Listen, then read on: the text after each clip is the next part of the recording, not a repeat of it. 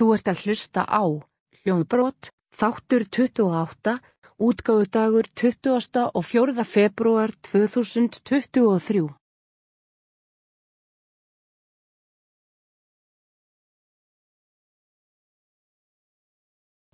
Það var írskur strákur sem við lásum mikið hvort fyrir annar.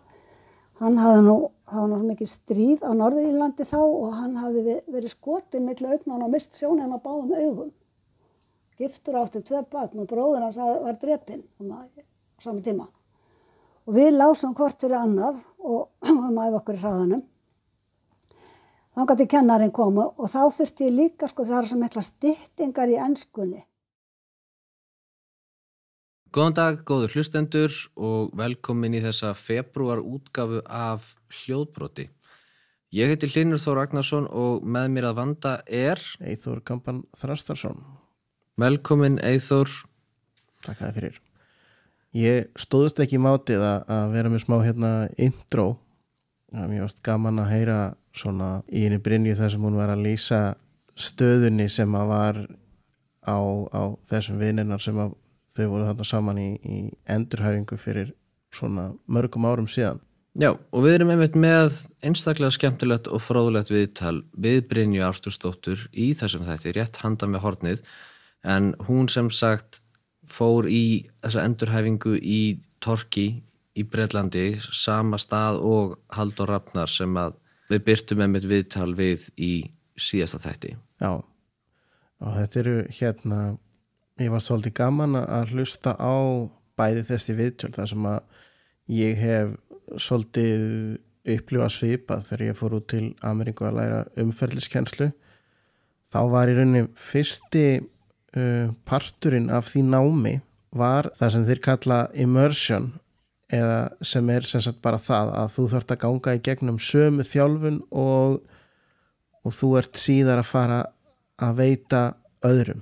Þannig að sem sagt ég var í rauninni í svona frekar svipuðu prógrami eins og þau er að lýsa í þessum viðtölum í, uh, í þrjá mánuði hann út í, í Louisiana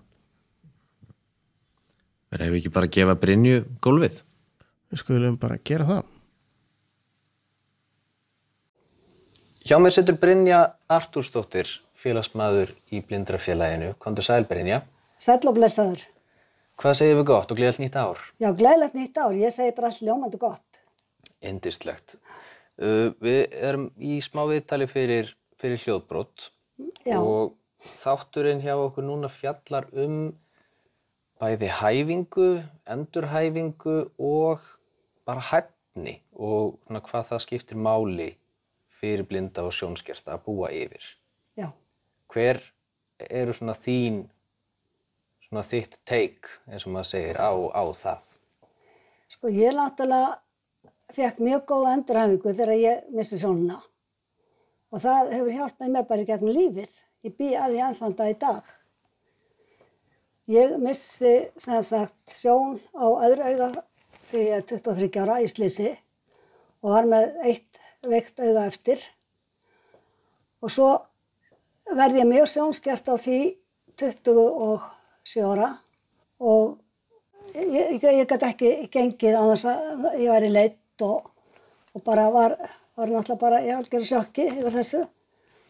En ég fekk, í byrjan fekk ég mjög góða endurhæfingu á Reykjalundi og það var, semst að ég var í yðvíðþjálfun og sjúkarþjálfun og, og hérna en svo frétti ég, ég hafði kynst Elinborgu Láristóttur, félagsafgefa hjá Blindrafélaginu og hún saði mig frá því að Þetta var på 1977 sem ég kem, ég þurfti að fara í auknaðgerðir og, og, og, lág í, á sjúkarhús í Breitlandi í tvo mánuði og þetta er 77.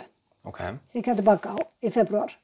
Þá segir Elinborg með það að Haldur Rafnar, sem ég kannast nú við, maður hafði heyrt viðtöl við hann og svona því hann var mjög duglegur að koma fram og segja frá sinni reynslu Hún segir að hann hafi farið í skóla, í endurhæfingarskóla í Torki á Suðurenglandi. Ég ákvað að hafa sambandi Haldur og hann var svo elskulegur að hann bauð mér heim til sín og sagði mér allt um þennan skóla. Við Manorhaus í Torki á Suðurenglandi og Hann hafði verið þarna í tíu vikur og var, hann, sí- ég man að hann lísti þessu svo vel og, og bara sagði að, hann fekk svo mikið sjálfsöryggi og miklu færir að bjarga sér og svo síndi hann mér fallega muni sem hann hafði búið til að kera mig og mér fannst þetta alveg ótrúlegt sko. Já. Þetta væri bara ekki hægt.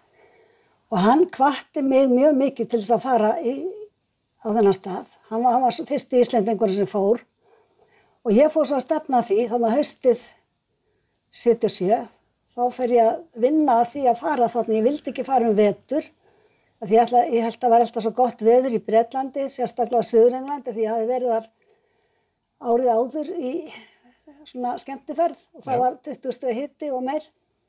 Svo ég ákvað að fara þarna sumri og notaði veturinn til þess að, til þess að byggja mig upp og, og, hérna, og, vera í alls konar þjálfun á Reykjavíkundi.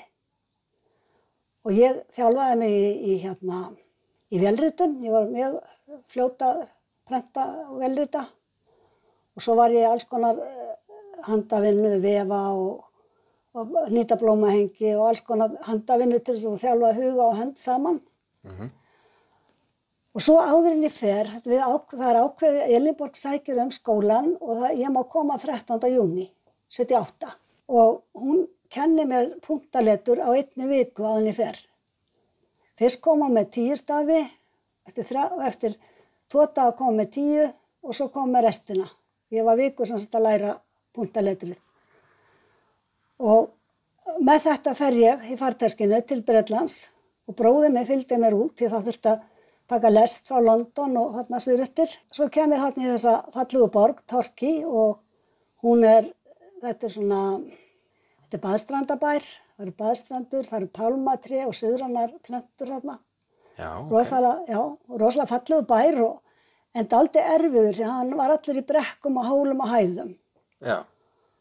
Og svo kom við þarna í Mannorhaus og ekki tók það nú betra við því að þetta var gamall herragarður húsið og við sem sagt á fyrstu hæðinu var matsalur og, og setustofur og skrifstofur fyrir kennarana og svo voru herbyggi uppi og ég fekk herbyggi á annari hæð og það var bannað að nota hvítastafin innan hús. Þannig að ég varð að læra á húsið, læra á fyrstu hæðin allavega matsalinn og, og, og anþess að vera með staf. Var það viljandi gert hjá þeim að banna Já, það? Það var bara viljandi gert að, að það var ekki æskilegt að fólk væri veifandi stöðan og kannski jafnvel að bregða fyrir fætur og fólk að dottu. Þetta var bara meiri slísahætta og, og þetta líka heima hjá mann er maður náttúrulega ekki með staf. Nei. En þetta var mjög skemmtilega uppsett, sko, það var, þegar maður kom inn í litla forstofu og svo komum maður inn í risastóra forstofu inn á litlu og á miðju gólfi var ferhent borð. Og það var engin motta undir því en það voru mottur sem hver megin. Og mjói endin sneri að útidyrunum og þar var undir borðinu var teknibóla, ein.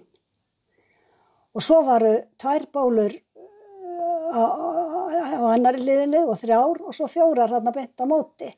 Svo ef maður viltist þarna í hólinu, þá kan maður alltaf fundi borðið og átt að sá því, maður bara leitaði að, punkt, að bólinu hvað maður væri. Mjög lógist. Mjög sniðut, sko. Og maður lærði þetta og maður var alltaf vola óurugur og hrættur og það var allt svo nýtt fyrir manni. Og svo hérna var, það var matsalur og það eruð allir að borða sjálfur með nýf og gafli. Ég hafði nú freistast til þess meðan ég var svona að stundum að það var eitthvað kjöt eða eitthvað sem var erfitt að skera þá leti hjálpa mér. Ég var, það var byrjað á því bara fyrstu vikuna að taka mig bara afsýðis og láta mig borða með nýf og gafli og það fannst mér bara dásamlegt því að eftir þetta þá gæti ég alltaf, ég var að fara út að borða með fólki eft- bara eftir þetta, þá bara gæti ég alltaf að bjarga mig sjálf. Og svo var mér kent að nota diskin eins og klukku, kjöt og fisku klukkan 6, kartöflunar á 12, salatið á, á 9 og brauðið á 3. Og gat- var alveg, maður var alveg sjálfberga í þessu. En fyrsta vikan fór náttúrulega bara í aðlega svona alls konar skoðanir, prófa sjón og heyrn og, og láta mann svona, það að vera að tekka því hvað maður gæti líka. ég var sett í eitthvað sem hétt engineeri og það var að setja saman alls konar, skrúa saman alls konar hluti og ég ætlaði ekki, það var ekki minn draumur að vinna við solis og svo ég var hann stutt í því. Og svo var viðtal og, og, og svona kannað í hverju maður væri bestur og, og það kom hjá mér að ég væri, væri góði að vinna með fólk. Já, Það var sagt þá. ég trúi því. Já. Og hérna, og síðan byrjaði prógramið þarna. Sko, ég var, var þarna einu íslendingurinn og þetta var, þetta var sko, þeir sem voru þarna í endurhæfingu, þeir voru á aldrinum 18-63 ára. Og allir, við vorum öll að missa sjónuna. Já, Og þetta var svo gott að kynnast þessu fólki, að finna, maður, svo gott að finna að maður var ekki einn. Allt þetta fólk sem var bara svipuð róla maður sjálfur.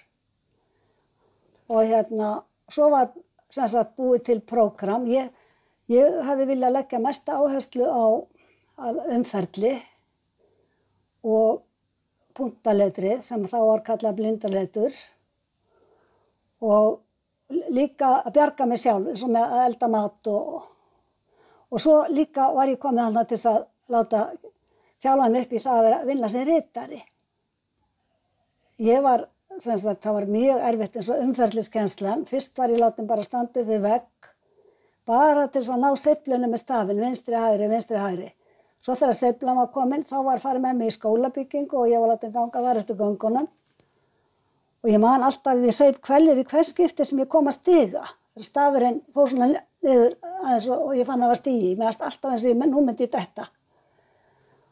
Svo ég var alltaf öryggið þarna í skólanum, þá var farið með mig út á götu og ég var látið ganga og í fyrstu getið sem ég fór, fór út á götu þarna og gekk götuna sem skólinn, skólinn stóð við. Þá hérna, ég var svo þreytt að ég var gerðsannlega búin, ég bara vildi fá að setast við endan á göttinu, þá væri ekki maður bara á gangstéttina. En svo náttúrulega þjálfaðist maður bara smátt og smátt upp og kennarinn var svona í hugmátt á eftir manni, hún svona mátti ekki, hún bara greip bara inn í að maður var að fara eitthvað vitlu svo komið kannski á bakvið hús og eitthvað maður var ég komin á bakvið öskutunnur eitthvað staðar. ok. Þá greip hún inn í og sótti mig. og þetta var mjög erfitt. Sko. Ég er ekkert sjálf góð í umferðli. Ég er mjög slæma gíktasútumi og svo er ég heyrnalins að öðru eira. Ég fekk á átjana rammalstæðin þá fekk ég kvefvírus og, hann- og ég misti heyrnina á einna nóttu. Það er nú meiri ammælisgjöfin. Ég segði þið. Og svo sko, þess vegna háði mér daldið að hlusta eftir hljóðum og umferða hljóðum og, og einu sinni þá stiltu mér upp við krossgötur og ég átti að segja henni úr hvað, átt- úr, var þessi bíl að koma og hvert var þess að fara og ég ætlaði nú bara ekkert að taka þátt í þessu og sagði ég er hernalösa öðru eira með vantastereóið, ég get þetta ekki. Jú, þú gerir þetta. Þetta var mjög strangur skóli, sko, maður komst ekkert upp með móður. Og ég stóð þarna á götuhotninu og ég bara giskaði. Stundum giskaði rétt og stundum ekki. En svo var þetta orðin léttar eftir, að, eftir svona nokkra vikur og þá var ég orðin betri í umfellin og ég, svo var eitt aldrei slemt að breytin er svo almennilegur að þegar ég var að læra að fara yfir götur þá kom oft fólk og vildi hjálpa mér. Og þá var okkur sagt að vera mjög kurteis, segja þakka fyrir að bjóða mig hjálpina en ég er að læra og má ekki þykja hjálp. En þakka samt innilega fyrir. Því að það gæti verið að þetta fólk að maður væri með eitthvað dónaskap við það, þá myndi það ekki bjóða næstu blindu mannski sem þyrfti á hjálp að halda. Auðvitað. Svo var okkur kent að nota lyktaskinnið í umferlinu. Ég ég vissi alltaf ef ég gekk fram í apotekinu þá fann ég ylvaslykt. Og þegar ég gekk fram í bakarinu var kökulykt og þegar ég gekk fram í slátrarann þá heyrði ég högg, hamarshögg. Og maður fór svona að þjálfast mikið upp í þessu og mér fannst þetta bara, þetta var aðeins skemmtilegt þegar maður var aðeins góður í þessu. Og svo var ég mér líka kent þarna í umferlinu að kenna öðrum að aðstofa mig. Ég átti að halda, ég átti að halda í handleikin á þeim sem að, fyrir ofan olpa á þeim sem var að leiða mig. Og ef hann var að fara með mig kannski á veitingahús, þá fórum við saman og hann setti hendin á mér á baki á stólnum. Og þá vissi ég náttúrulega hvernig stótt leit út og það var þetta að gera þetta svo fallega og eins ef að var verið að sína mér kannski brotætta styttu eða vasa, þá setti þá átti, átti fylgdamaðurinn að setja hendina sína á hlutin og svo átti ég að fylgja, svona, svona, fylgja handlegnum hans eftir eða hennar og finna vasan. og einn stigahandri. Þá, þá átti hann að setja hendina sína á stigahandri svo bara rendi ég minni hendi og fann við endan á hans eh, fingrum fann ég stigahandriðið. Þannig að þetta myndi ganga allt svona fumlaust Já, fyrir sig. Þetta, þetta, er þetta að gera þetta svo fallega. Og, hérna, og þannig ég var mjög ána með þá umferðliskenslu sem að ég fekk. En það var fleiri hús þarna á skólalóðinu. Þetta, þessi gamli herragarður þar sem við gistum og borðum og, þarna, og þar voru setustofur og, og, hérna, og fleira. En það var líka skólahús á lóðinni og það var bannað að láta hjálpa sér. Það mátti engin leiða mig þangar sem ég átti að fara. Ég þurfti nú bara að læra að rata í skólahúsi þar sem að, þar sem að hérna, aðalkennslan fór fram. Og mér var bara kent það með stafnum. Og eins all þurfti ég að læra að fara það sem keramiki var því ég átti að, átti að vera í keramik, leirmunagerð. Já, og hérna og það var, sko, það var ekki æskilegt að þeir sagði sko ef þú lætur hjálpa þér þá bara hvað ætlar að gera þú kemur heim og svo þannig í skólanum þá þar var punktaletuskenslan og ég náttúrulega var búin að læra stárufið og eitthvað að æfa mig en ég hafði náttúrulega engan hraða og það var engin punktaletuskennari framan af við vorum bara að lesa hvort fyrir annað Það var írskur strákur sem að við lásum mikið hvort fyrir annað. Hann hafði nú, það var nú mikið stríð á Norðurílandi þá og hann hafði ve- verið skotinn milli augnan og mist sjónin á báðum augum. Giftur átti tvö barn og bróður hans var þarna á saman tíma. Og við lásum hvort fyrir annað og varum að æfa okkur í hraðanum. Þannig að kennarinn kom og þá þurfti ég líka, sko, það er svo mikla styttingar í ennskunni. Það er, það er mjög, kannski bara pú- nokkru punktar fyrir heilu orðin og, og fyrir heilu sta, sko, nokkra stafi inn í miðjum setningum og svona, maður þurfti að læra þetta allt. já, Og svo þurfti ég að skrifa líka til þess að geta sannað að ég kynni styttingarnar. Og ég var náttúrulega með giktina svo mikið í höndunum og gæti ekki dráði við hérna venjulega rítvel, svona, svona maður áknúna og þeir voru með áknúna rítvel og, og ég gæti alveg, og mér gekk mjög vel í þessu og hérna, og svo var ég í þessari kommersial sem að var skrifstofu þjálfun, verið að þjálfa mig í að vera rittari og þá var ég að velrita eftir diktafón og, og hérna svona litlu segulbandstæki sem, sem að maður stjórnaði með fætinum. já, Og svo var ég líka, mér var líka kent hvernig ég ætti að tala inn á diktafón. Ég man að, sko, maður átti ekki að vera með fulla munnin að tyggigúmi eða selgeti og ekki láta að heyrast í pappír.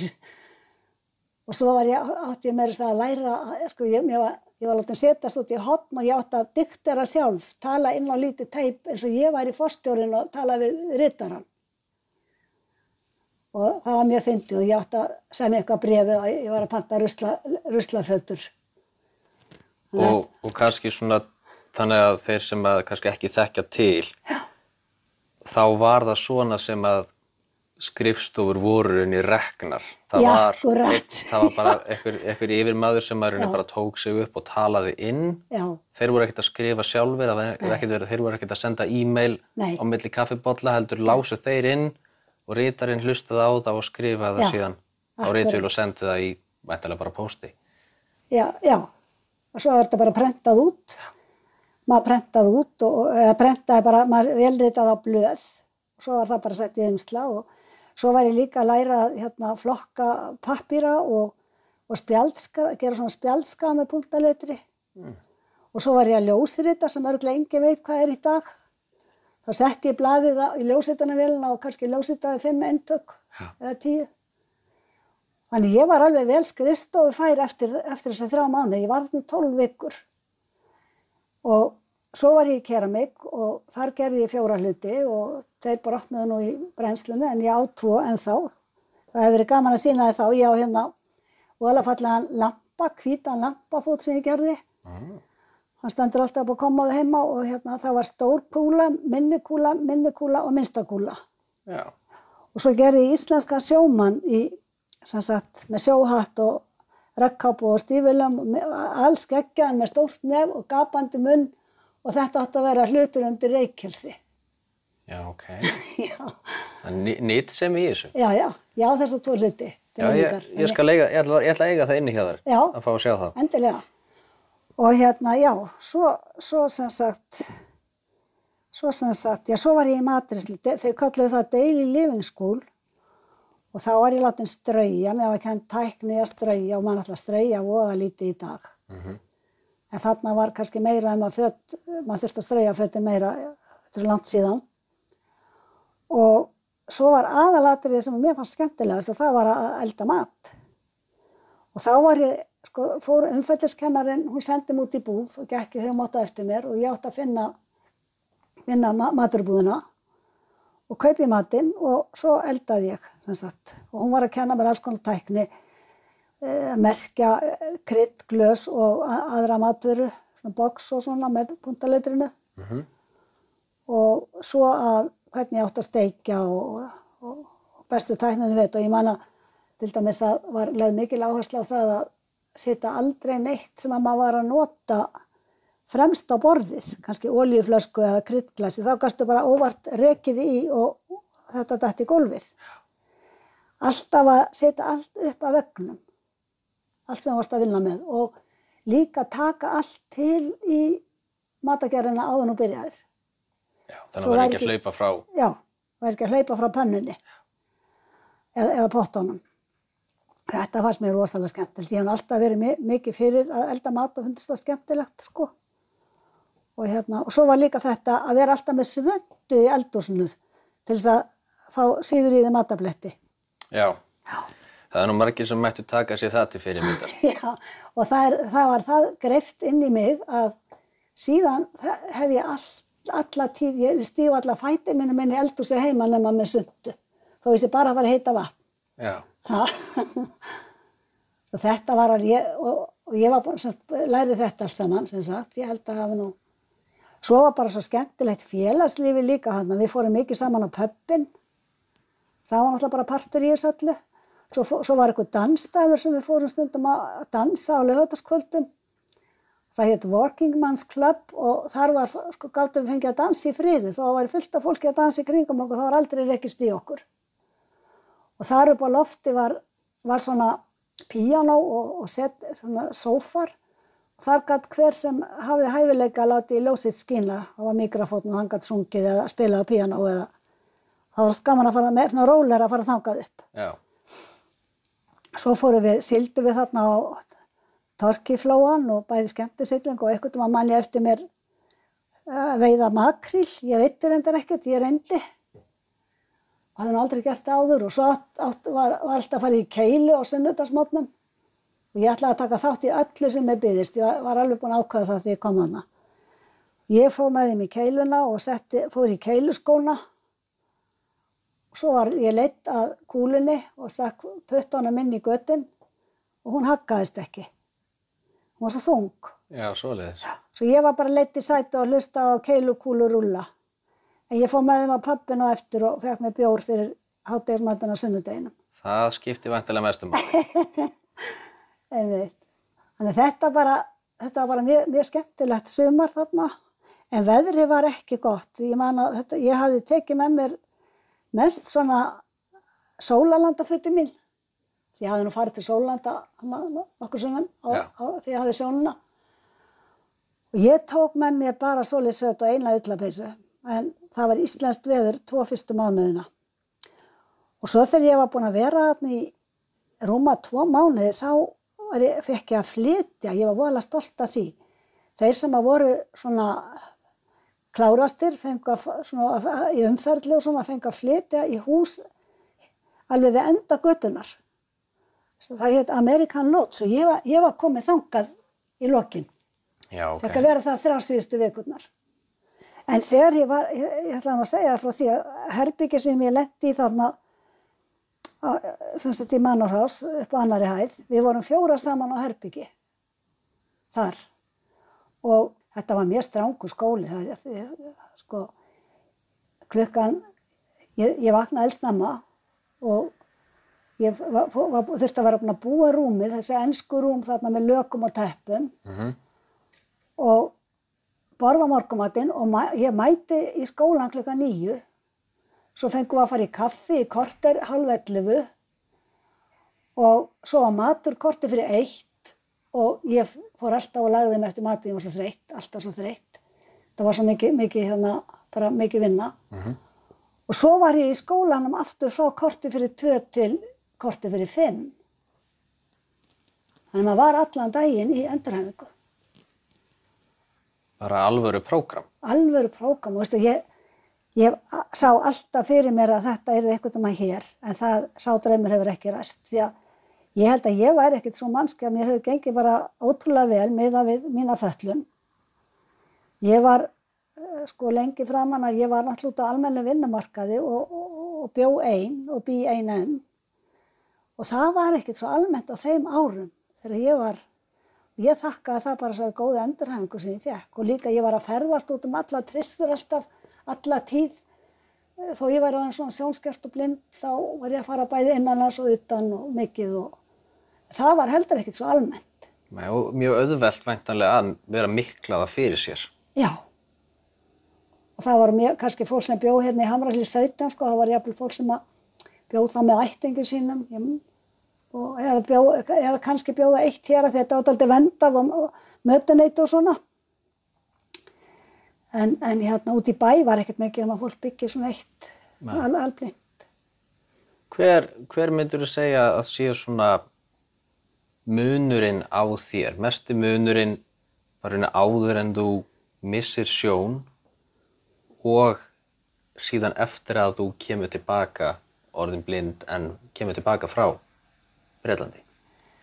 Sko ég, þegar ég, ég náttúrulega verð viku fyrir jól 1976, þá verði ég skyndilega mjög mikið sjónskert. Ég, ég vaknaði upp á spítal, ég var, ég var með, með sko veiki þannig að sinatna var að slitna í handunum alltaf. Og þetta festaði saman og það var verið að skera upp á mér henduna og vaknaði svona og ég bara, ég var algjörlega bjarga laus. Ég bara var algjörlega bjarga laus og hérna, kunni ekkert á hvítan staf, ég kunni ekki punktaletur. Ég hef ekki elda mat ekki fyrir eftir endurhæfinguna. Svo, svo er ég þarna, já svo stóð ég í svo miklu vesenni sko því að þetta er viku fyrir jól 76 og svo þurfti ég að fara í, fór ég augnaðgerðir, ég fór í tvær aðgerðir sem sagt á 77 og var að taka svo mikið að styrum og livjum og svona þannig að það, ég var eiginlega algjörlega læknast úr sig allt það ár. Og því að ég var sko það er náttúrulega bara sko, út, út af þessum auksútum og það var að vera að reyna að bjarga auðanu. Og svo fer ég þarna til Breitlands, þess að 78 og þá var ég náttúrulega búin að fá smá sjálfströst á Reykjavílundi þegar ég var, ég var bæði búin að vera þar í alls konar þjálfun áður. En ég myndi segja þess að ég, ég man alveg þegar ég kem til Íslands aftur þarna 13. september 78. Mér fannst ég geta allt. Já. Svo gerist það viku eftir á laugadegi, ég kem heim á laugadegi og viku eftir, viku setna, þá er ég á ferðalagi östur í sveitum, ég lend í slisi og ég verði alveg störblind. Þegar ég var úti þá sá ég allt í þoku og það munaði rosalega miklu að ég gæti séð hendina mér að ég setti, setti hana svona upp á andlitinu. Ég sá móta fyrir glukkum, kertaljósum, lampaljósum og ég gæti oft átta mig þegar ég kom inn í Herbyggi bara að nota þetta. Svo það var svo mikið viðbrið að verða svo allt í hennu alblind og ég var komin aftur til Breitlands nokkur dögum setna á spítala.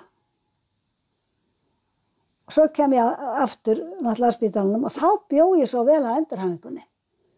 Þá, þá, bara, þá, þá var bara gerbreytt líf frá Já. því áður. Þó ég væri alvarum blind. Og væntanlega kannski náttúrulega tekur tíma að venjast í að vera alveg blind en síðan kikkar inn þessi reynsla. Algjörlega. Ég sagði alltaf sko að ef ég hef ekki verið búin að fara í þessa flottu endurhæfingu, ég hef verið algjörlega ósabjörgað hana því ég er hann alveg blind. En sjóni var náttúrulega lélega áður en samt það munar öllu.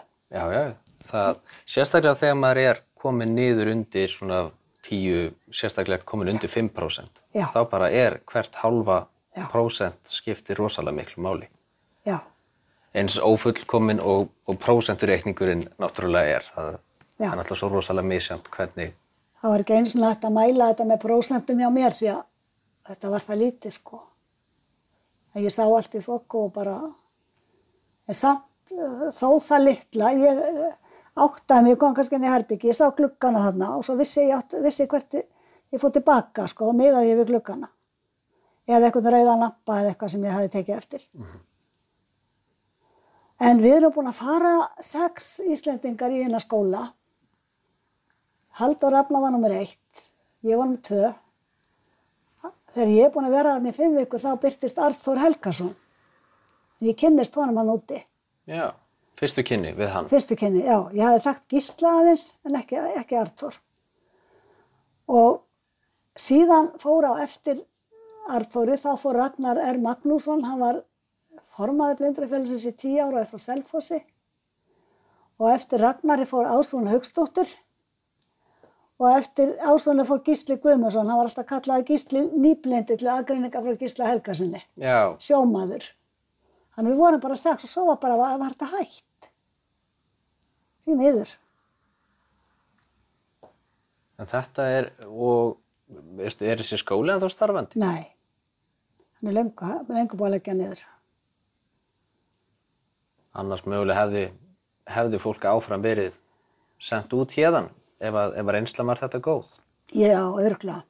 Það gerðist eitthvað, ég veit ekki hvort er hægt að taka frá öðru löndum eða það var eitthvað, hann var nú eitthvað lengur þarna því að ég frétti það var kona sem ég þekki Íslands sem flutti til Torki og hún var að vinna þarna og þá var hún að kenna leður yfir sem var ekki kennt þegar ég var þar.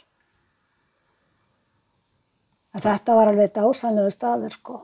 Já, ég skal trúa því. Og mér finnst sko að það er fín endurhæfing hérna uppi en kannski þyrfti það að gera þetta svona meira samfelt eins og ég var í.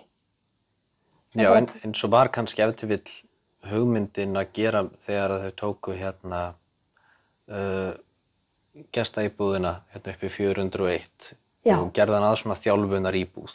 Já. Og hún er nú notuð held ég einmitt, eh, fólk getur komið þetta á land og verið í gestaíbúðinni og, og, og er þá að fá þjálfun þar.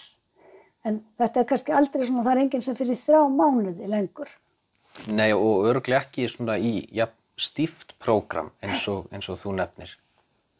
Þetta var, Því að þetta er náttúrulega sko, og, og eins og ég tala oft um, sérstaklega þegar verið er að ræða aðgengi, að það geta verið lausnir sem eru aðgengilegar en ef að þú sem einstaklingur hefur ekki hefni til þess að nýta lausnirnar þá eru þær óaðgengilegar þér. já, og, og þetta er, þetta skiptir svo gífurlega aðri og en, en maður spáir ekki í þessu eins og venjulega. Þetta, þetta er rauninni ekkert annað heldur en bara eins og hver manneska sem að gengur þurfti að læra að ganga. Algjörlega.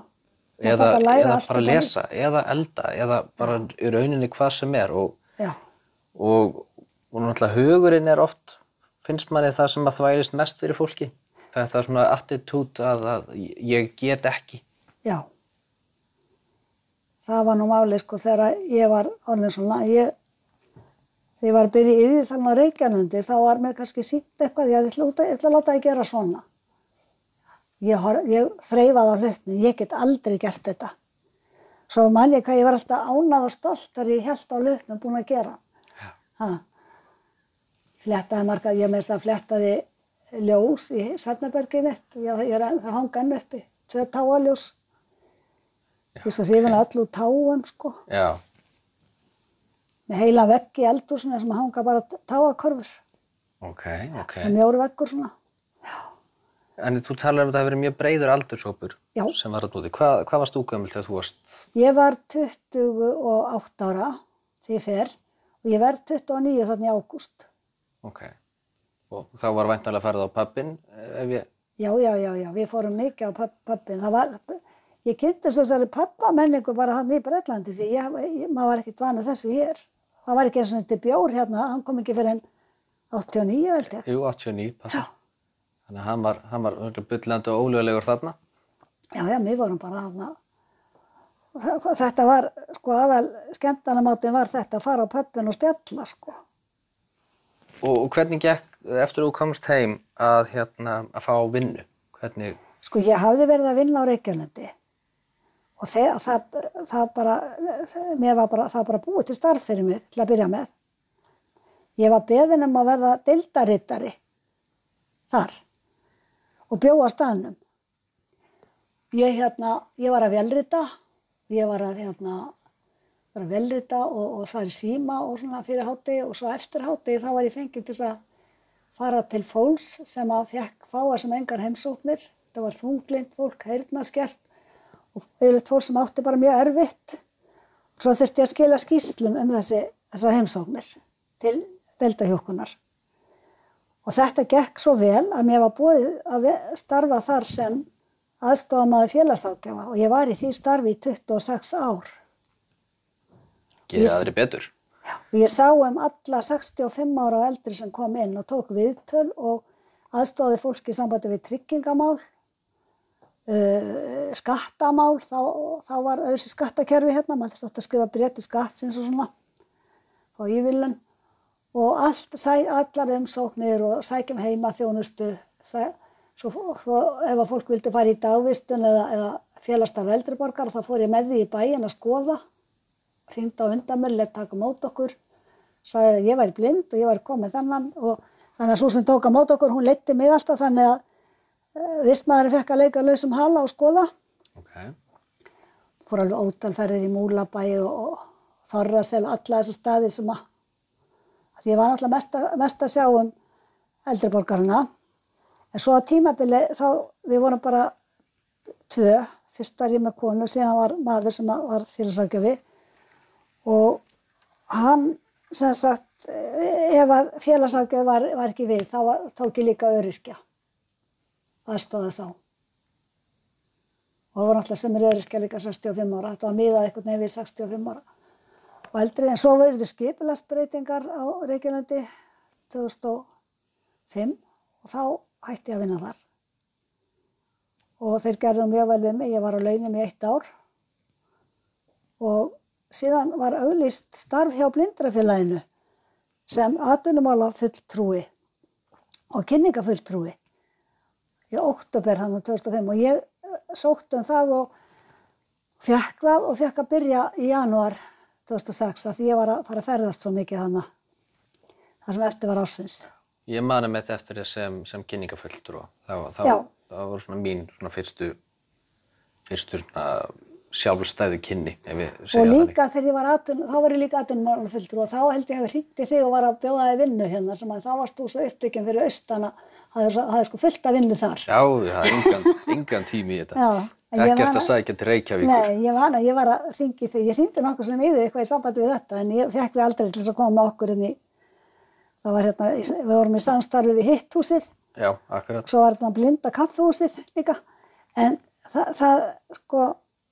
um, þegar ég var búin að vera þessi þrjú ár, þá var ég beðin að ski, skiptum og verða yfir trúnaðamaður og halda áfram að vera kynningafulltrú og ég var það í nýja ár. Þannig ég var að vinna allt í allt eh, 12 ár hjá blindrafélagin en er á skrifstofu. Já. Og þú átti ennþá, ennþá nýju ár á mig þar. Já, einmitt. en það ekki, já. En þannig, eh, þannig að ég, ég hef ekkert getað, sko, þú sér það, ég er það góð í að velrita. Svo kemur tölvu, tölvutækni fyrir blinda. Þá þurfti ég svo lítið í viðbót af því ég var alveg með fingarsetningun á hreinu og ég lærði á tölvu þegar ég var færtug. Já. Já, um leið og það var hægt. Þegar var komið punktaleturskjára og, talgjárallinu voru að koma.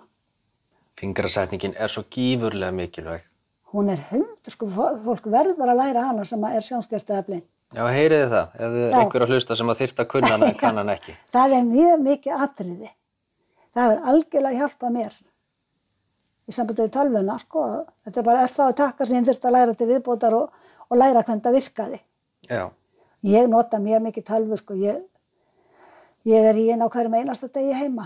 Ég skrifa mikið líka. Ég ábúrslega mikið sem ég skrifa sem ég á inn í tölvunni. Búin að gera dagbók í áratugi og, og í mörg ár skrifaði ég jólabrif á hverju ári fyrir hverju jól og, og sendi, eh, sendi fjölrita, til allra. Það fór alltaf 40 jólabrif og bróðið minn setti flotta myndir efst og skreitti þetta og svo var texti. Ég passaði mig alltaf að hafa bara eina blassið. aha. Og er hérna, Var það ekki ákveðin vinnusbarnar þegar jólakveðan gætt færst yfir á, yfir á Facebook? Jú, sko ég reynda að það er ekkert langt síðan ég hætti þessu. Þegar að COVID kom þá hætti ég.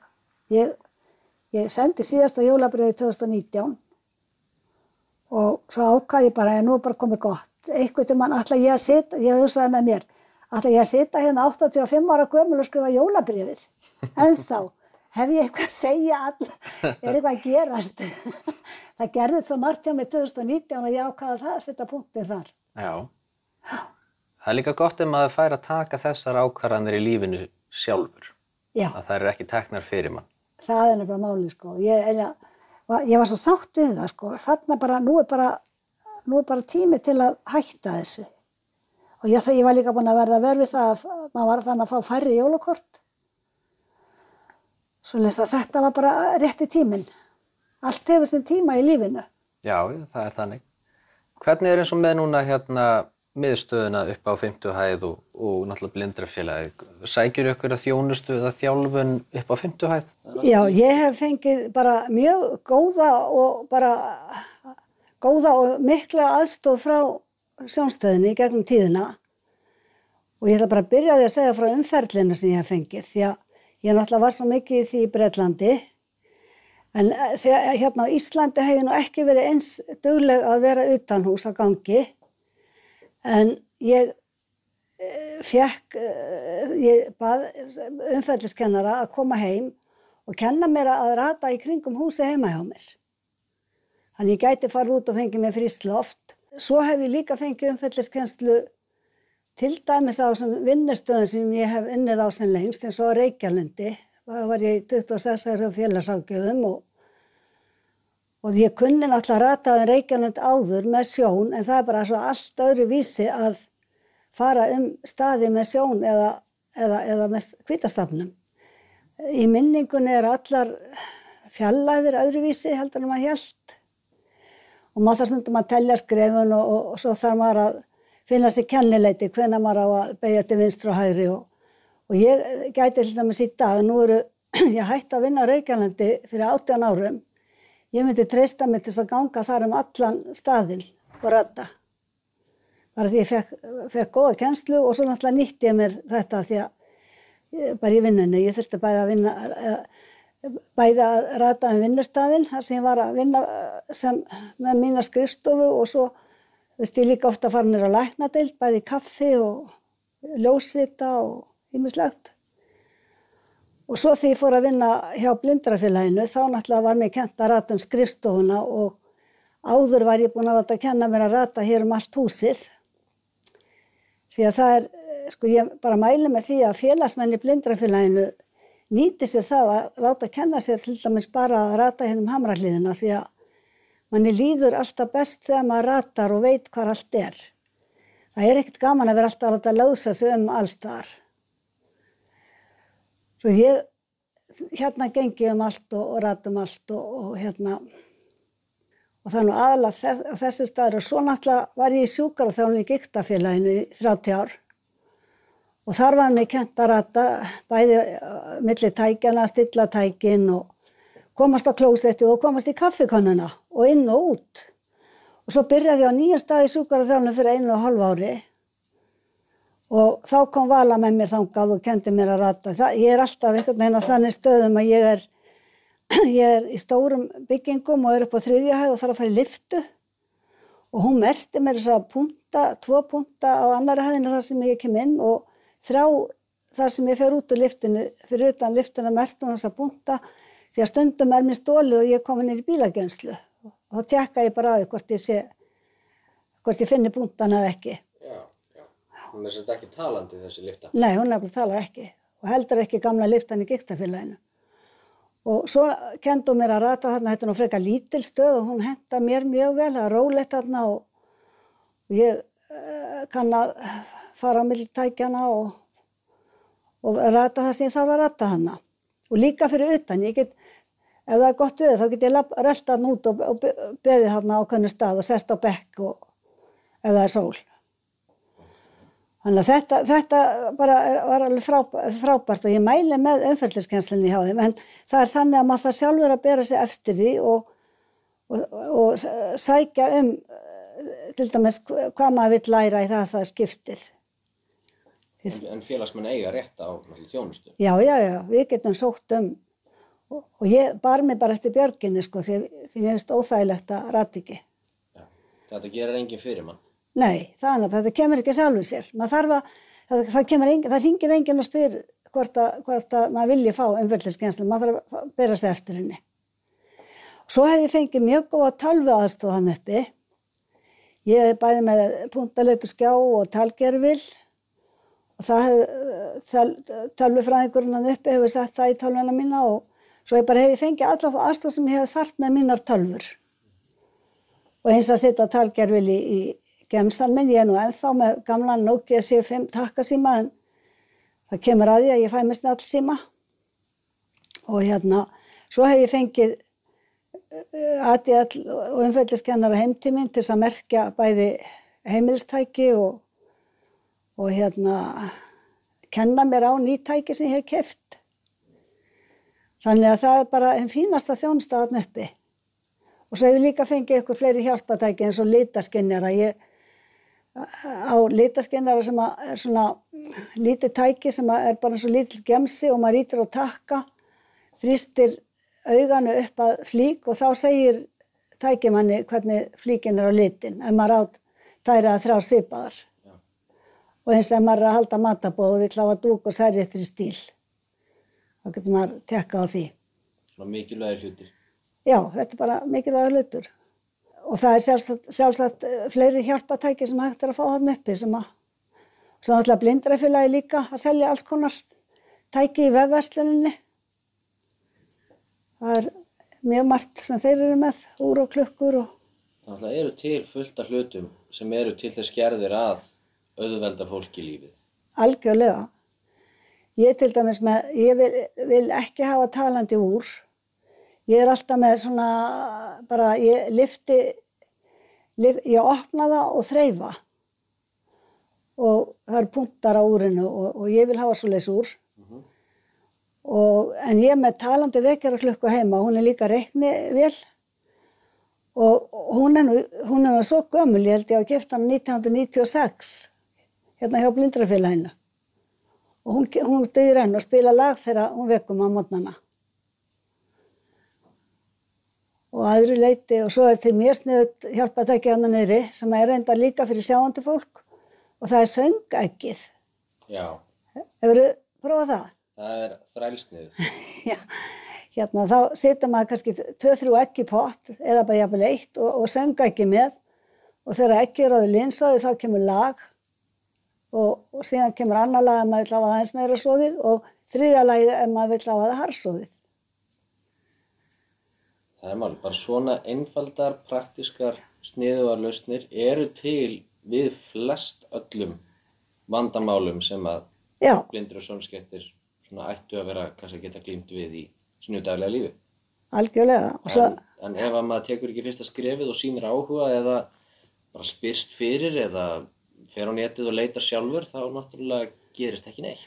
nei, það er alveg rétt hjá þér sko. En Það var einmitt eins og ég, ég opna úr sem daginn þá baði ég Láru að segja okkur, það var nú kaffehúsastemming, ég baði hana að segja okkur hvað er til í búðinni núna. Af því að maður náttúrulega er ekkert alltaf að skoða eða það gæti hafa komið eitthvað nýtt. Þannig að það er um að gera að nýta sér allt sem að, sem að manni býðslega létta manni lífið. Öðvitað. Þarna ertu henni bara, þú sér það, þú ert, þú ert að lifa á þessari þjálfun ennþá áratugum Já. síðar. Já. Það þarf að fara að gera eitthvað rótakt. Ég veit ekki alveg hvernig þetta er í dag með unga fólki, hvaða þjálfum það fær sko. Það geti mögulega verið umfásefni fyrir, fyrir annan þátt. Já. Leggjast í smá rannsóknar blaðamenn, sko. Já, hvað er í gangi og hvað, hvað er í bóði? Það, ég, ég finnst það mjög forvitnilegt. Já, já, það, ég, ég er, er sammálað því og, og bara virkilega gaman að heyra að á þessum tíma, hvað segir, 77?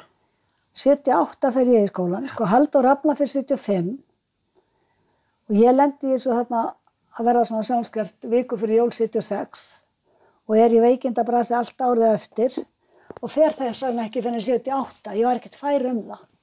Þannig að þetta er samt að slaga í hálfa öld. Já.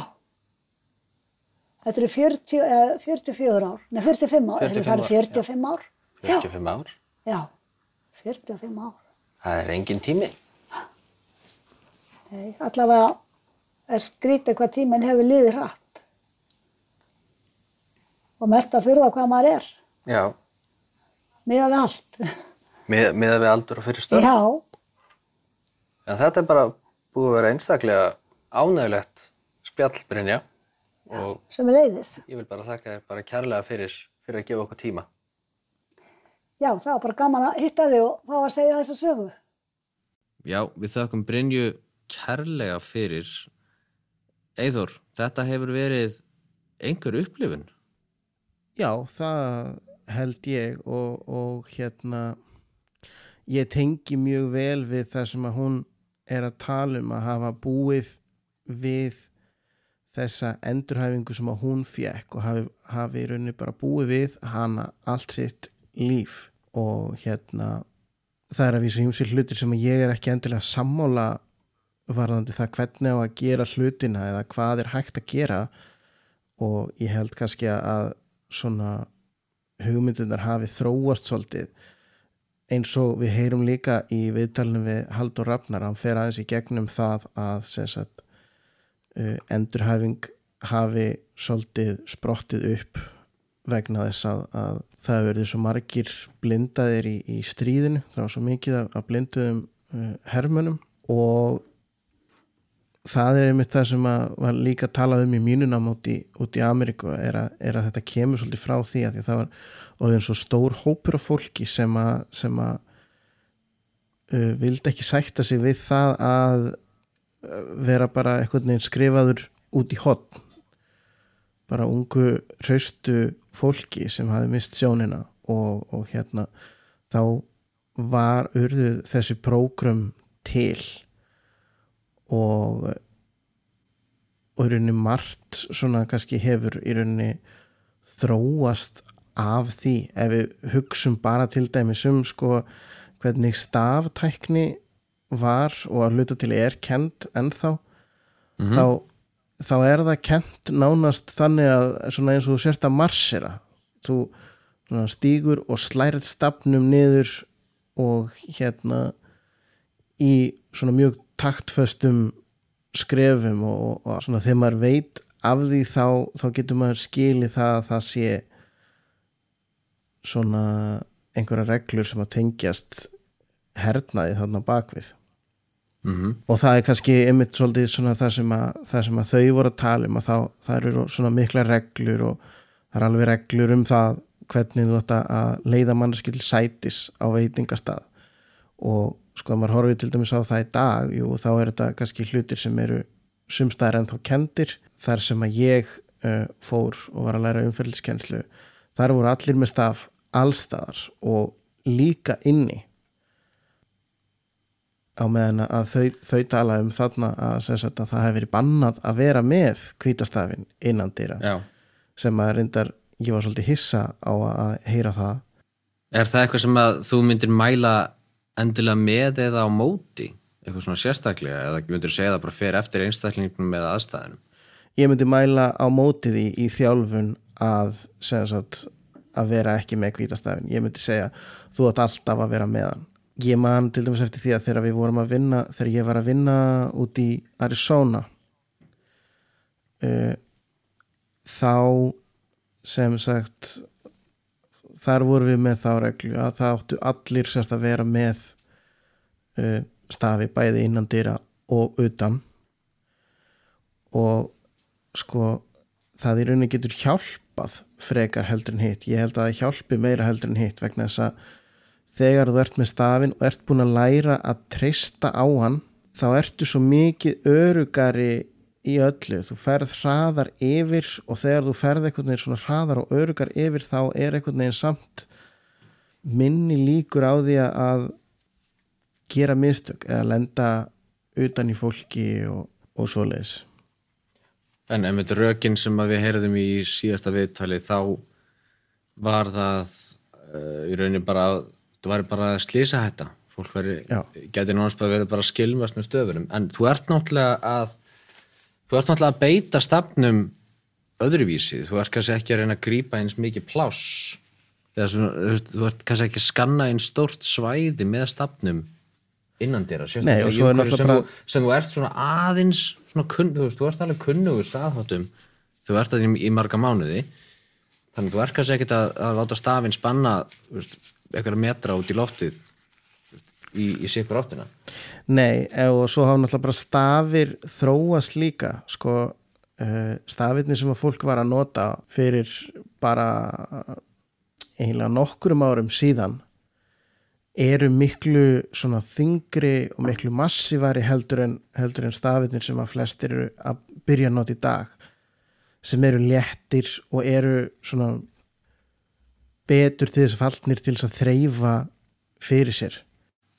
Sem alltaf hlýtur að þykjast aldrei stór plús þegar, það kemur að hvítum staf þar sem að tilgangurinn er jú að þreifa fyrir sér. Já, ég held að sko en það hefur svolítið breyst uh, nótkunin á honum að, sagt að í upphafi þá var mikið talað um það að þú ert að svona svolítið mekanikal svona aðferð þú nótar hann alltaf eins hann fer alltaf bara takk, takk, takk vinstri hægri, vinstri hægri. Uh, en til dæmis það sem að ég lærði og það sem að ég kenni það er það, þú veist að við getum breytt uh, stafnótkunni þegar við erum inni þá til dæmis tek ég stafinn að mér í rauninni held neðar á honum þannig að hann er að, hann er að skanna minna svæði.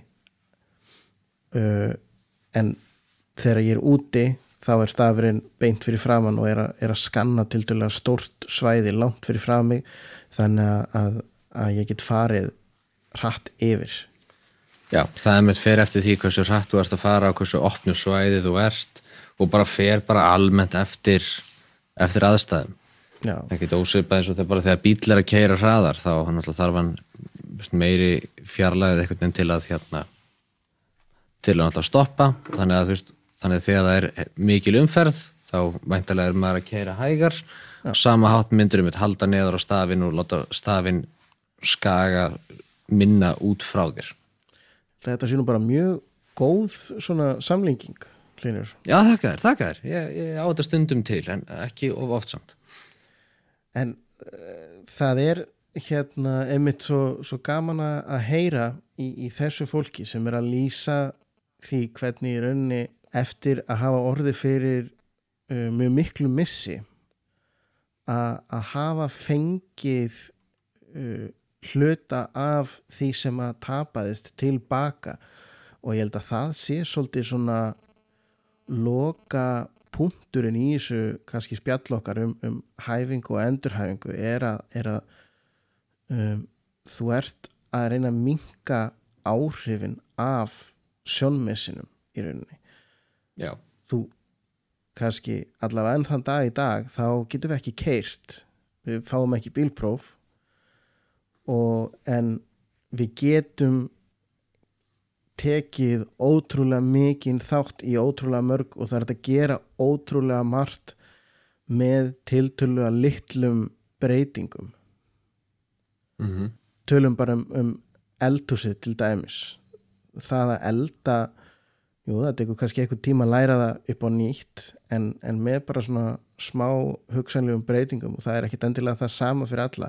Fyrir suma gæti verið nóg að raða kryddstaukunum í einhverja ákveðna röð. Aðrir vilja merkja þá með bólum aðrir vilja me- merkja með punktalitri já, og en þegar þú gerir þessa litlu hluti þá ertu búin að, hérna, ná tilbaka einhverju sem að þú sem að þú hafði mist já, þetta er bara spurning um bara, bara aðlögun. Já. En, en Hlinur Já, Eithor minn. s- sagði mér á hana að þú væri með streng í dag. Herri, ég er með frekar öfluga strengi á skrýtnum stöðum, já. Öfluga strengi á skrýtnum stöðum. Og hvað hva, hva kemur til?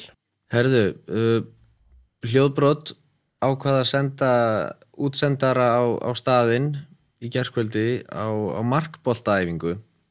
Já, og og ég virka einhvern veginn þannig að þegar það, það, þegar, það er svolítið erfitt að halda aftur af sér. Fyrsta æfingin í sko, ég veit ekki hvað langan tíma ég veit ekki hvað langt sér ég reyði mig almennilega en þetta er svo gaman. Og er ógæðslega þetta er svo góð reyfing, þetta er svo skemmtilegu leikur. Ég hef náttúrulega gert þetta áður sko þegar þetta var, voru reglulega ræfingar hérna áður fyrr, en nú erum við sérst komin með ótrúlega góða fasta tíma í Íþjóttahúsinu í Hátúni 14 hjá Íþjóttafélagi Fallar í Reykjavík. Og það er alltaf klukkan 7 til halv 9 á miðugdaskvöldum og ég vil bara skora á alla þá sem hafa einhvern smá snefil af áhuga að bara prófa að mæta því að það eru kannski ekki allir að gera þetta á, á hérna á sömu hörkunni. Þú getur unnið þetta bara svolítið á þínum hrað og þínum fósendum eins og þetta þarf að vera. En ég held að við, að við ætlum að setja markið hátt og, og stefnum á að, að, að keppa einhverjum mótum hérlendis eða, eða erlendis á, á, á þessu ári Nú, heru, það er spennandi og hérna, við fáum sérst að heyra eitthvað frá því í næsta þætti, er það ekki? Herðu, jú, við ætlum að, hérna, að fjalla þess um þessa stórskemmtilegu íþrótt í, í næsta þætti. Herðu, erum við þá ekki bara orðnir góðir í dag? Ég held að. Þá set ég bara átró lægið henni hérna í gang og takk fyrir okkur. Kæra þakkir. Bless, bless.